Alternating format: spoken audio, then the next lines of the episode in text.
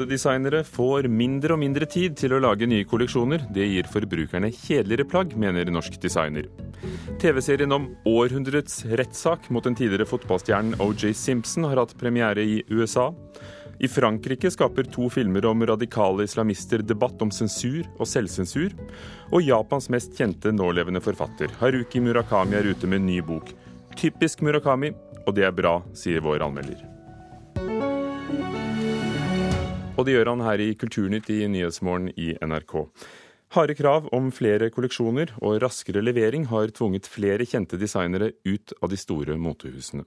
Også i Norge må moteskaperne arbeide raskere og raskere for å tilfredsstille bransjen og forbrukerne.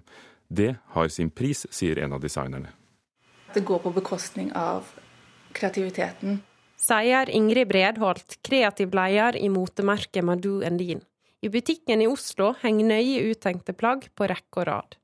Hun designer to kolleksjoner hvert år, men butikkene ønsker fire. Bredholt mener presset fra butikker og forbrukere om å stadig levere mer, har direkte innvirkning på moten. Her er iallfall nå kolleksjonen som er høstkolleksjonen. Sånn generelt så blir det kjedeligere plagg, eh, mer homogene plagg. Eh, det er, eh, og ikke minst at det mister noe som vi legger vekt på, da, men den finishen. altså Det er et vakkert finish, det er et vakkert produkt helt liksom ut til siste sting. Det forsvinner.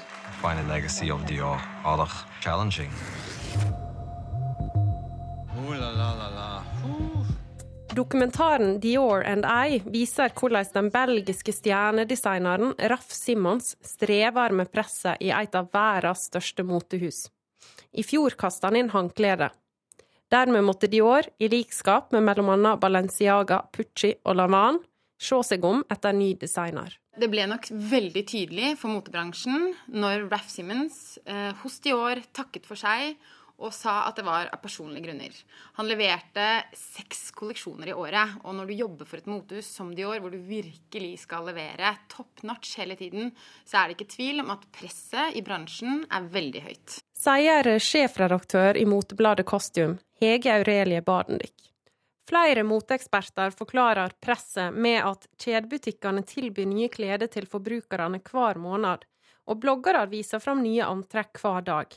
Det gjør at folk forventer å se noe nytt hver gang de shopper. Så hvis man ikke har eh, nyheter gjennom sesongen, så finner kundene gjerne veien til de som har nyheter gjennom sesongen. Sier bror William Stende.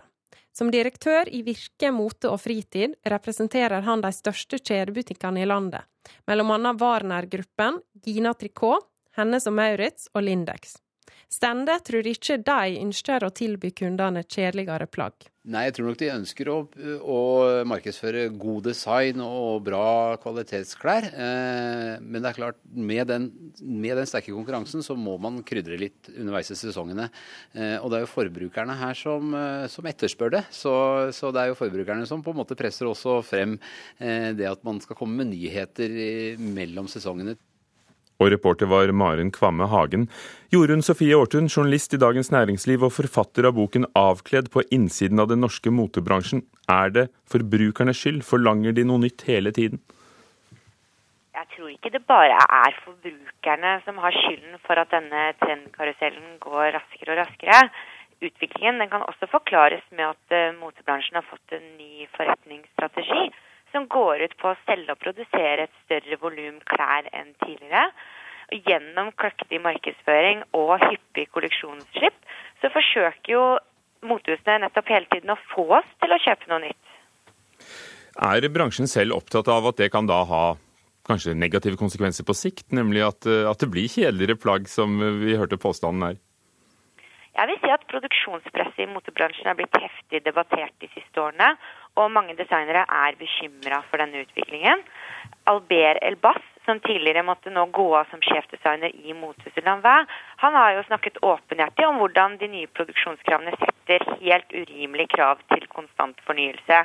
Og Det finnes jo også flere eksempler som vi hørte i innslaget, på motehus som har sparket kritikerroste designere fordi kolleksjonen ikke har innfridd økonomisk. Vil du si at dette gjelder bare de store motehusene, vi hørte Christian Dior nevnt, eh, og, de internasjonale navnene, eller også de mer skal vi si, hverdagslige klærne? Altså, det er jo ulike eh, sjikt i motebransjen man opererer i. Og jeg vil jo si at når massemarkedet og kjedebutikkene har tatt et så stort grep om forbrukerne, så vil jo også motehusene bli påvirket av det.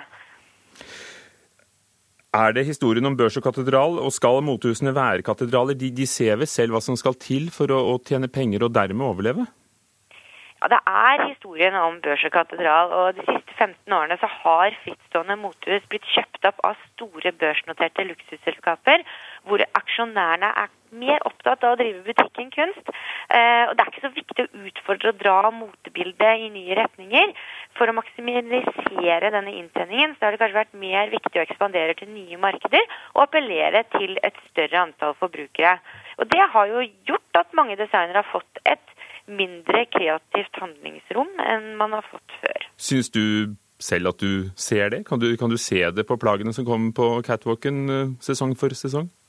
Man kan se det på catwalken i den grad at motebildet ofte beveger seg millimeter eh, for millimeter. Det er ikke noen sånne store kvantesprang lenger, fordi man er veldig opptatt av at forbrukerne skal, eh, skal kunne kjøpe og være trygge på at det de kjøper er, er rettferdiggjort. Men hvor tror du vi da finner det som blir avantgarde fremover? Du, Avantgarde-tradisjonen den holdes kanskje i liv mellom det lille knippet rike mennesker som fortsatt er villige til å betale vanvittige summer for klær som er laget på gamlemåten. Uh, og jeg tror at uh, denne motebransjens forretningsmodell det kommer nok ikke til å endre seg med det første. Men det finnes jo alternativer for de designerne som kanskje ikke takler produksjonspresset. Nettopp ved at man finner en økonomisk modell og en produksjonsmodell som er i mindre skala, og som appellerer til et færre antall forbrukere. Takk skal du ha, Jorunn Sofie Aartun, journalist med spesialist mote i Dagens Næringsliv. Striden mellom Telenor og Kanal Digital, eh, som er Kanal Digital, og Discovery, som er alle TV Norge-kanalene, fortsetter. Nå mm, er alle konkurrentene til Kanal Digital ganske fornøyde, for de tjener godt på situasjonen. Det var natt til mandag at eh, alle TV Norge-kanalene gikk i svart hos over én million husstander i Norge. Reporter Magnus Lutnes Aas, hvem er det som eh, kan se seg fornøyde? Vel, det er VG som skriver i dag at både Riks-TV og Discoverys egen strømmetjeneste Dplay opplever en stor oppgang av nye kunder denne uka. Riks-TV, som da fortsatt har alle Discovery-kanalene, som til Norge og Fem og Max, skal ifølge informasjonssjefen ha fått en tidobling i sitt rikspakkesalg. Og mandag var pågangen så stor hos de at, både, at hele nettsida kollapsa. Men ingen av dem sier hvor mange flere kunder de har fått? Det gjør de ikke. Sånn som Discoverys uh, informasjonssjef sier at uh, de opplever en 20-30% økning, men ikke hvor mange kunder dette da betyr, uh, rent praktisk. ja. Det skal handle om denne damen her.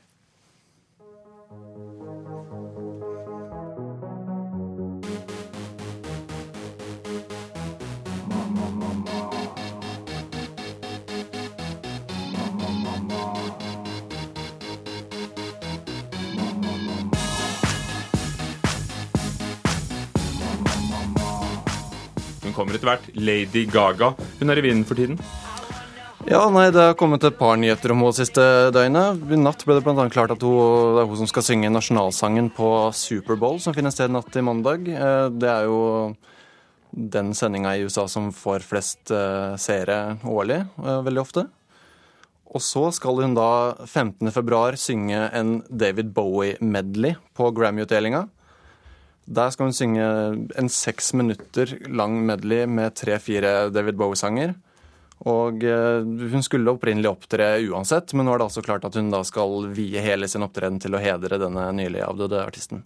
Takk skal du ha, Magnus Lutnes Aas.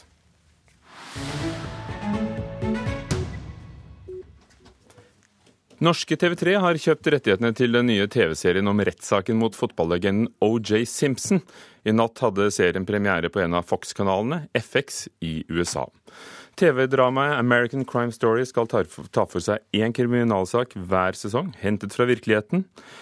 Og det begynner altså med en av de mest omtalte rettssakene i nyere tid i USA. Your ex-wife, Nicole Simpson, has been killed. I'm so sorry, Mr. Simpson. The People versus OJ Simpson, American Crime Story, viser historien om en av de mest kjente rettssakene i USA noensinne. Den tidligere fotballstjerna Simpson ble i 1994 sikta for å ha drept kona si Nicole Brown Simpson og vennen hennes Ronald Goldman.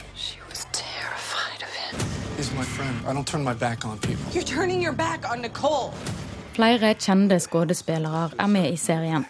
To av stjerneadvokatene som forsvarte Simpson, David Shapiro og Robert Kardashian, ble spilt av John Travolta og David Schwimmer. Sistnevnte er kjent for roller som Ross i TV-serien Venner for livet. Chris Kardashian, den nå verdskjente Chris Jenner, ble spilt av Selma Blair og Simpson av Cuba Gooding jr. Serien får svært gode meldinger. I New York Times blir det skrevet at serien gjør en oppslukt, rasende og er tvers gjennom underholdende. Medan Washington Post mener det er en velsigning i tida å kunne leve lenge nok til å se en sensasjonelt overproporsjonert nyhetsdekning gjort om til veldig godt og til og med mektig tenksomt TV noen tiår seinere.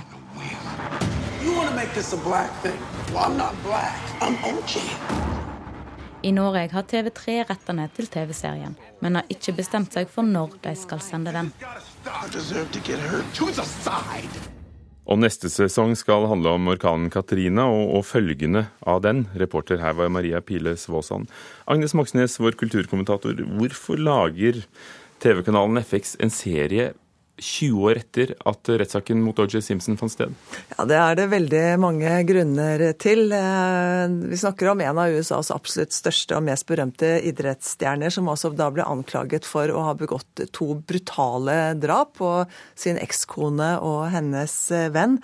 Og det er sånn i USA at mens vi stiller hverandre spørsmål hvor var du hen da Brå brakk staven, så vil amerikanere lure på hvor du var hen den 17.6.1994, da politiet fulgte etter OJ Simpson i hans hvite Ford Bronco. Eh, da var det syv helikoptre fra mediene som var hyra inn, som fulgte hele den åtte mil lange flukten. Og det var en så stor sak at den totalt forandret journalistikken og førte til liksom nesten en sånn 24 timer i døgnet-dekning. Nyhetene begynte å nærme seg realityshowet. Og, og det ble så mye at jeg tror folk rett og slett gikk veldig lei av hele saken. Men etter at dommen eh, ble felt, eller altså han ble frikjent, så har det vært veldig stille om den, men det er veldig mange uavklarte spørsmål i kjølvannet av den. For da var det nytt. Hvordan har rettssaken og dekningen av den preget eh, USA siden? Altså Det var en dom som delte USA veldig i, i to. 83 av eh, den svarte befolkningen mente at det var riktig at han ble frikjent, mens bare 37 av de hvite mente det samme. Og mange vil vel si at det var nettopp rasismen i USA som var oppe til doms i 1994 og 1995, og ikke spørsmålet om det var OJ Simpson som hadde begått drapet eller ikke. Det er store navn de har fått med seg, i hvert fall et virkelig stort et. John Travolta, også andre som er mer eller mindre kjente.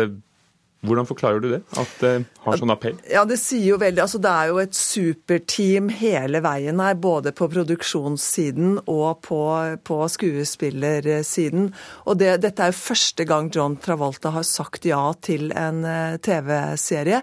Så det sier veldig mye om hvilken status TV-serien, men også dokumentaren, har fått de siste årene. Altså Vi har hatt serier, TV-serien, nei, radioserien Serial Eh, vi hadde serien eh, Jinx, og nå nettopp 'Making a Murderer', som alle handler om det samme, nemlig det amerikanske rettssystemet, og hvilken fordel det er å ha mye penger, sånn at du kan liksom gå så langt at du vinner en sak som du kanskje burde ha tapt. Hvordan går det med OJ Simpson nå? OJ Simpson han ble fengslet i 2008 for eh, væpnet eh, ran og kidnapping, og han sitter fortsatt i fengsel. Takk. Agnes Moxnes, serien om OJ Simpson kommer altså til TV3 Norge, men uvisst når. 17,5 minutt over åtte du hører på Nyhetsmorgen i NRK. Syv års ventetid for å få varig opphold i Norge. Det kan bli følgende av at det kommer flere nye asylsøkere på kort tid. Sør-Korea og Japan reagerer kraftig på at Nord-Korea planlegger å skyte opp en satellitt i midten av februar. De to landene mener det egentlig er snakk om en langdistanserakett. Det er for vanskelig for barn som er under barnevernet å klage på omsorgen de får, mener Landsforeningen for barnevernsbarn. Og senere i Kulturnytt om jazzmusikeren som lager musikk inspirert av Twin Peaks. Med sivilpoliti i kinosalen, 18-årsgrense og forbud mot skolevisning skaper en av to nye filmer om radikale islamister, jihadister, debatt i Frankrike. Den andre filmen heter Made in France og ble utsatt to ganger etter terrorangrepene i fjor. Nå dropper regissøren kinolansering og slipper filmen bare på nett. Flere kritikere i Frankrike spør seg nå om landet er på vei mot både sensur og selvsensur. Vår reporter har møtt en av regissørene.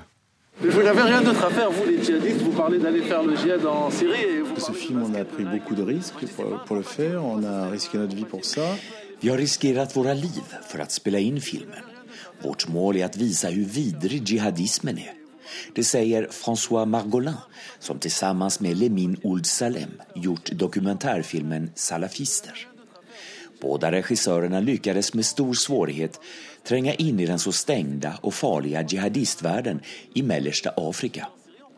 Når jeg var på kinon der salafister visas fanns flera civilklädda poliser på plats. Rädslan for attentat er stor. I dokumentären berättar jihadister i Mali hur de vill styra jorden. De skjuter ihjäl människor som är av annan tro och skär handen av tjuvar. I dokumentären visas dessa vidriga scener. Just därför har franska kulturministeriet nu beslutat att barnförbjuda filmen på kino. Gränsen är nu 18 år. Den får inte heller visas i gymnasieskolorna där många lärare önskat ordna debatt om salafister. Vissa kritiker tycker dock att beslutet är bra. De kritiserar dokumentären då den varken innehåller kommentarer eller förklaringar med vår västerländska syn på demokrati. Den kritiken bemøter regissøren François Margolin så her.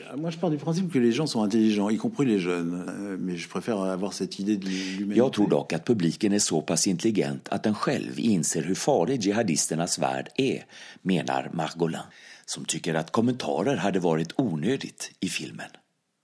Personligen tycker han dock att kulturministeriets beslut är en form av censur och han får medhåll av flera politiker i Frankrike. Je m'appelle Sam El Konsouri. Je suis journaliste. Filmen Made in France är en fiction och handlar om hur en journalist lyckas ta sig in i jihadistkretsar. Den skulle ha haft premiär den 17 november, fyra dagar efter terroristattackerna i Paris. Premiären blev då framflyttad till januari. Men nu har produktionsbolaget bestämt att inte alls visa filmen på landets biografer. Istället säljs den nu på internet för priset av en biobiljett. Enligt uppgifter i media är det verkliga skälet att filmbolaget inte vågar släppa filmen på kino i rädsla för hot mot de anställda på bolaget och mot filmens skådespelare. Detta har fått debatten att rasa. Men ska man verkligen visa rädsla för jihadisterna är frågan många ställer sig. Samuel Blumenfeld, mycket känd fransk filmkritiker på Le Monde, tycker visserligen att det är synd att Made in France inte kommer att nå ut till den stora franska kinopubliken. Men han förstår samtidigt beslutet. For de biografer som hadde vågat visa den hadde kunnat bli mål for nye terroristattacker, befarer han. Problem de sécurité. Les salles qui programmaient ce film sont des cibles. Kinoene ville blitt et mål, sa Le Mondes filmkritiker til vår reporter i Paris, Johan Tolgert. Verdens mest berømte nålevende japanske forfatter, jeg tror ikke jeg tar munnen for full, heter Haruki Murakami, og han har kommet med en ny bok på norsk. Men uten kvinner. Knut Hoem, litteraturkritiker, hvilke forventninger har du til en ny bok av Murakami? Nei, altså I utgangspunktet er de veldig høye. Det er jo en uh, veldig imponerende katalog. Han har uh, opparbeidet seg i løpet av de siste 20 årene. Tenk på romaner som Norwegian Wood eller Kafka på stranden eller 1Q84 osv. osv. Så det er liksom den ene siden av det. Så syns jeg ikke at den forrige romanen hans, som heter 'Den fargeløse Tsukuri Tsakaki og hans pilegrimsår', var uh, så sterk som jeg kunne ønske. Så da er, er forventning Da er det spent forventning, men ja. Hva ventet deg mellom sidene? Nei, det som ventet meg, var eh, det som eh, forlaget litt morsomt kaller long short stories. Altså, det er jo et paradoks. Lange noveller? Lange noveller, ni, syv, syv, i tallet, med tittelen 'Menn uten kvinner'. Og det er også tittelen på den siste av disse syv uh, fortellingene. Og Det handler rett og slett om uh, menn uten kvinner, og viser hvor mange ulike måter menn kan være uten kvinner på. Så den du er glad i, kan være død. Du kan kanskje være elskeren til denne kvinnen og ikke ha tilgang på, til henne til daglig. Det, du, kanskje du traff henne på feil tidspunkt i livet og ikke har henne lenger. Og det kan du si belyses fra ulike sider da, i disse fortellingene. Han er opptatt av det med menn og kvinner og forholdet mellom dem? Ja, det er han. Eh, og så er han veldig opptatt av eh, menn eh, som, ikke, som mangler en slags tydelig identitet. Den forrige boken het jo som sagt 'Den fargeløse Takari Tsukuri Tatsaki'. Og det handler jo om å være en mann uten farger. Altså, man mangler en identitet. Og når du da Hva skjer med sånne menn når de møter kvinner?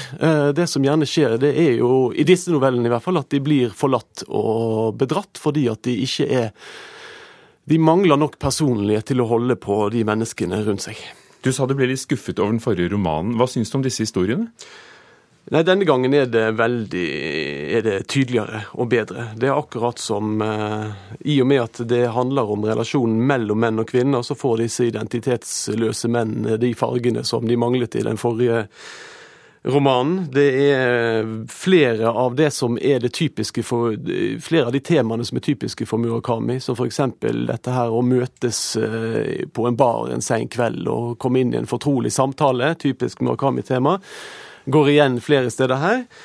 Det er en hommage til Frans Kafka her. En, fortelling som heter 'Samsa in love'. Altså Gregor Samsa fra Kafkas 'Forvandlingen' eh, dukker opp igjen her. Men her er det altså en mann som ikke blir forvandlet til et insekt, men til Gregor Samsa. Han blir forvandlet til et menneske av kjøtt og blod. Hvordan være et menneske av kjøtt og blod med en tydelig identitet, det er det mysteriet som, som Murakami ønsker liksom å løse eller finne ut av. Hvordan være et menneske. Er han et steg nærmere nobelprisen med denne boken, som mange mener at han burde fått? Jeg syns det er et unikt eh, forfatterskap. Jeg synes han burde få nobelprisen, f.eks. i 2019, når han øh, fyller 70. Eh, det er veldig, veldig, et veldig modig forfatterskap. Og det å diskutere og finne ut av forholdet mellom menn og kvinner, det er en stor oppgave. Eller som Murakami selv skriver, å skrive om dette er som å avtale å møte noen på baksiden av månen. Det er bekmørkt, ingen landemerker, og det er altfor stort. Men jeg syns kanskje ikke det er for stort i disse fortellingene. Takk. Knut Hoem om Haruki Murakami, men uten kvinner. Og den er oversatt til norsk av Yngve Johan Larsen. Jeg bare nevner det, for det, det liker vi å gjøre. Jazzmusiker Vidar Skanke er en av mange som aldri får nok av TV-serien Twin Pigs. Gitaristen og komponisten har vært fan siden han var barn, og nå, 25 år etter at David Lynches kultserie kom inn i stuene våre, lager han konsert i Stavanger i forkant da at det kommer en ny sesong.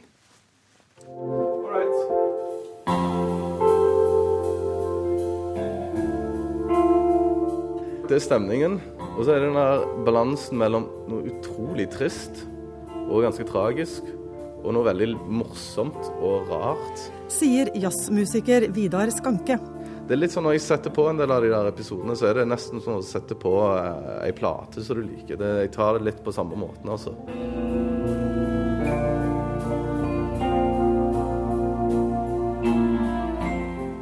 I et øvingslokale på Tau scene har gitaristen og komponisten samlet et knippe flinke musikere. Lørdag skal de være klare til Twin Peaks-konsert på Folken i Stavanger. Altså Det er ikke Twin Peaks the Musical, men det er, liksom, det er en slags forestilling. av noen av karakterene kanskje som dukker opp. Every day, once a day, give yourself a present.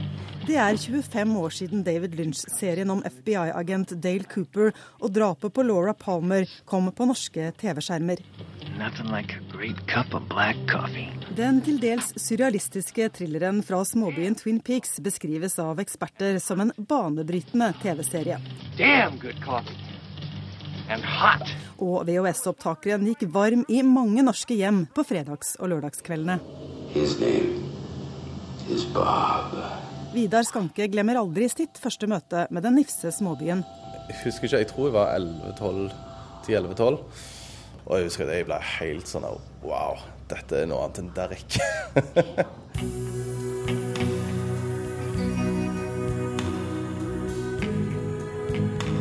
Unge Vidar skaffet seg fort soundtracket, signert den amerikanske komponisten Angelo Badalamenti. Jeg lånte en CD av en kompis, som han ennå ikke har fått tilbake. da. Hvor mye tror du musikken betydde for suksessen? Jeg tror det hadde ganske mye å si, altså. altså. Hvis det er noe folk ofte snakker om i Peaks-universet, så er jo det stemningen.